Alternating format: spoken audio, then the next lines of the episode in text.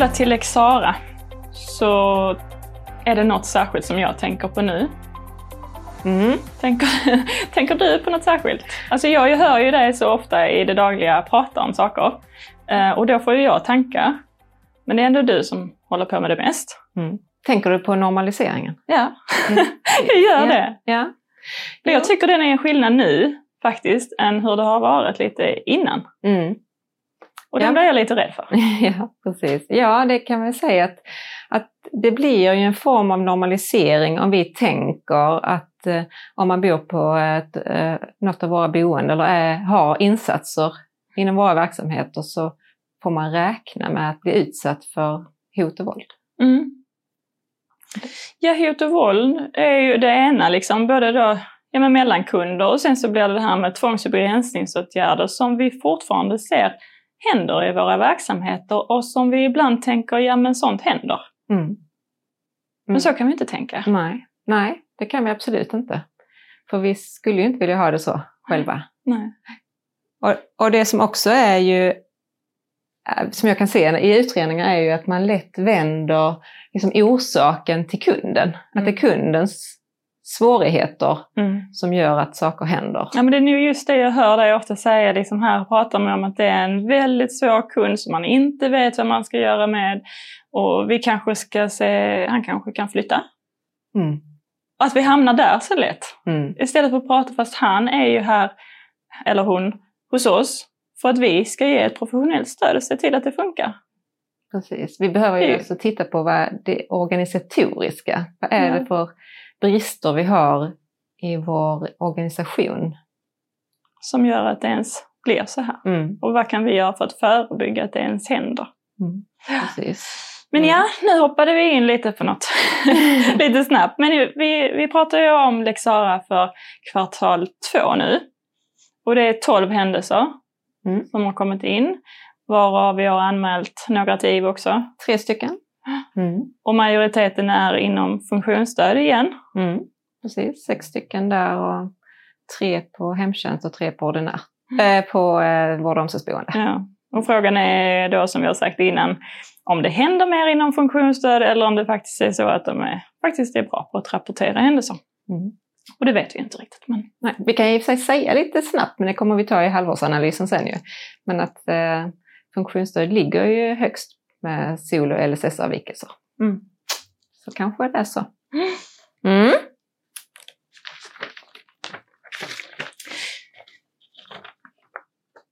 Men vi, vi har valt ut några som vi nämner. Vi kommer inte ta alla händelser. Men några som vi ändå vill eh, informera om. Så bland annat så har man glömt en signeringslista hos en kund. Mm. Signeringslista för läkemedel. Ja, och där var ju sekretessuppgifter i den såklart. Mm. Precis. Ja, och där var ju att personalen eh, tar, med sig signeringslistorna varje månadsslut eh, tillbaka till kontoret. Och här var det en lista som troligen har trillat ur väskan. Så egentligen är det ju främst en påminnelse om att det här är viktiga handlingar. Så direkt vi har med dem att göra så behöver vi tänka på hur vi hanterar dem. Sen kan ju en eh, möjlig åtgärd som i längden kommer att förbättra det här vara att vi kommer att använda AppVa. Alltså den här läkemedelssigneringen via telefonerna. Det tror jag kommer bli jättebra. Mm. Mm. Sen har vi två händelser där vi eh, inte sett att vi har kunnat påverka någonting kring händelsen, men där man kan eventuellt behöva göra polisanmälningar. Och det handlar ju om läkemedel som har stulits ifrån kunder. Och den andra var att en, en personal har tagit en kund på brösten. Ja, precis. Och ibland kan det ju vara så att vi inte ser bakomliggande orsaker, men att polisanmälningar är kanske det som vi behöver göra. Mm. Eller arbetsrättsliga åtgärder. precis. Vi kan inte förebygga allt. Nej. Sen tänker jag ändå det är viktigt att gå igenom det här med rekrytering och, och så vidare. Mm. Hur vi har gjort med det. Mm.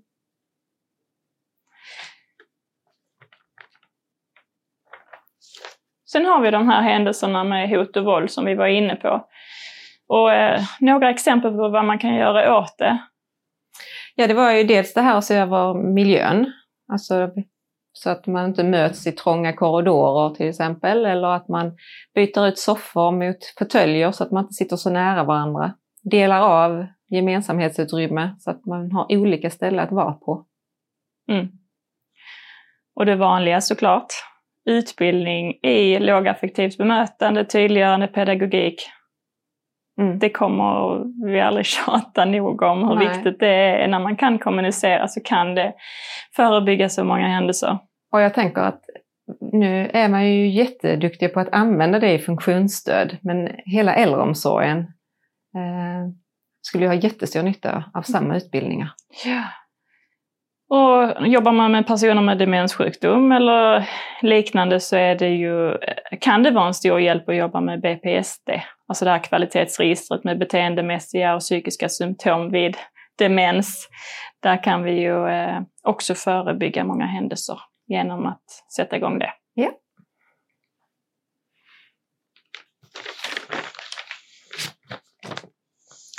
Sen har vi en väldigt tragisk händelse när en kund har trillat ner från trappa sittandes i sin rullstol och eh, som senare avled. Mm. Jättetråkig. Eh, här var det ju så att utredningen kunde inte påvisa några bakomliggande orsaker eh, till händelsen. Utan personalen hade ju utgått från kundens självbestämmande och integritet. Eh, och hade tidigare suttit själv också. Mm. Men ändå väldigt tragisk såklart. Och det är viktigt att man ändå rapporterar de här händelserna för vi behöver ju titta på om det var någonting som vi faktiskt kunde gjort annorlunda. Mm. Och ibland kommer vi fram till att, att man har gjort det man kunde. Ja, precis. Sen har vi kund, en kund som larmade på, eh, på personalen men personalen svarade inte på larmet för att ljudet var avstängt på telefonen. Mm. Mm. Så här var det ju inte någon som medvetet, eller vet att man medvetet har stängt av ljudet. Eh, och så är det ju med tekniken. Ibland så kan det ju bli så i alla fall. Mm. För det vet vi ju, det har ju ändå varit andra händelser där man faktiskt aktivt har stängt av ljudet för att man tycker det är så störigt för det är så många som larmar. Mm. Och då, behöv, då är det ju en annan sak. Då behöver man ju kolla på, ja men då är det ju ingen rimlig larmhantering. Då, på det sättet kan vi ju inte ha det. Mm. Så då får man säga om larmet ska gå till en person som inte är inne hos andra kunder eller hur man ska ha det organiserat. Men här mm. var inte så fallet då. Nej, och här blev det ju att man skulle se över att varje gång, varje arbetspass får man kolla telefonen så att ljudet är på. Ja. Rimligtvis på en checklista som man checkar av så att det verkligen blir gjort. Mm.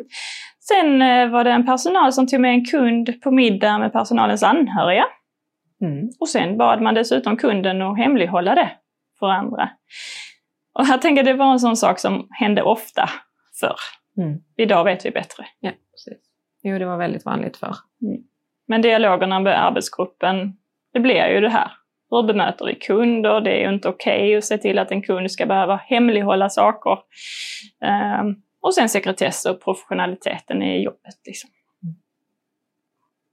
Mm. Mm.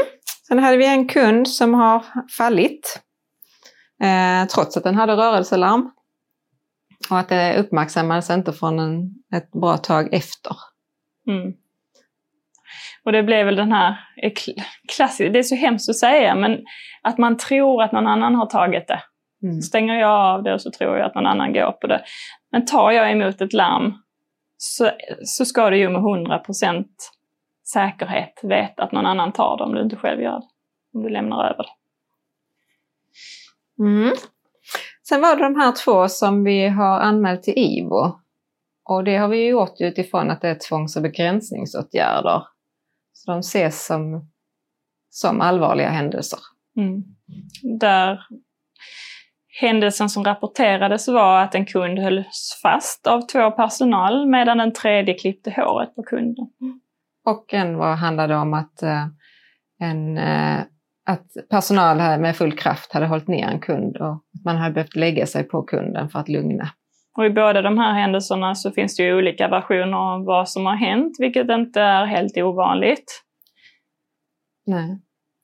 Nej, och likadant det här, jag, jag tänker det här med nödrätt, som man tänker att, det, att, att man kan få använda Mm. vid extraordinära situationer. Men man får alltid ha med sig att om kunden skadas så är det ju det allvarligt också. Ja, och nödrätten är ju inte någonting som du får använda gång på gång. Nej. Använder du det en gång av någon särskild anledning så ska det ju finnas en, ett tydligt arbete med hur du gör för att detta aldrig ska hända igen. Precis. Så du får aldrig stå med i en handlingsplan att det liksom, eh, är det som ska användas. Nej.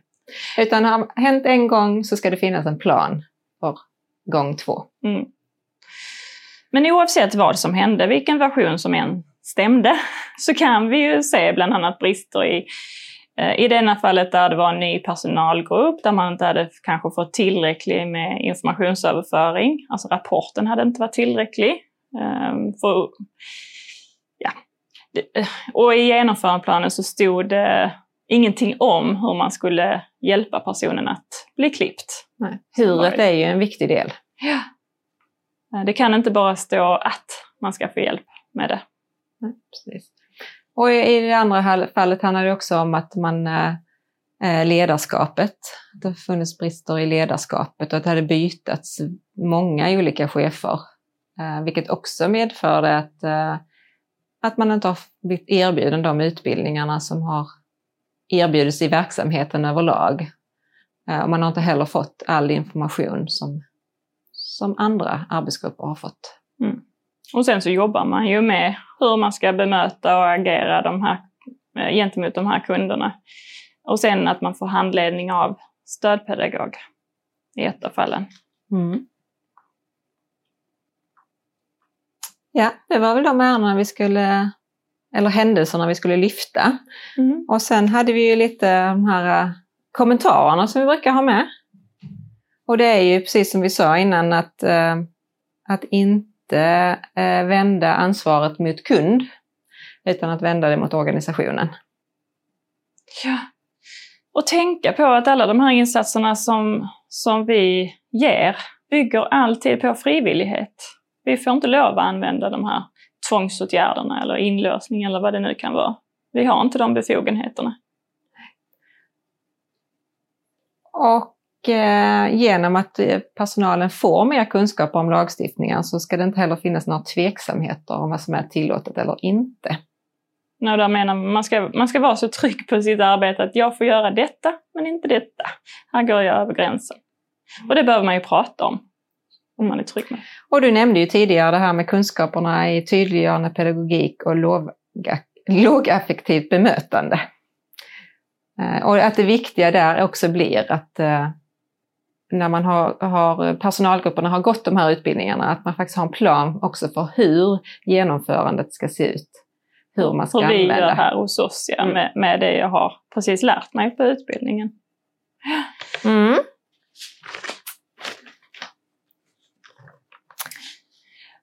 Och sen vill vi ju alltid att man ställer de här sista frågorna. Även om inte de här händelserna har hänt hos oss, så tänker vi att det är viktigt att man tänker igenom, skulle det här kunna hända hos oss?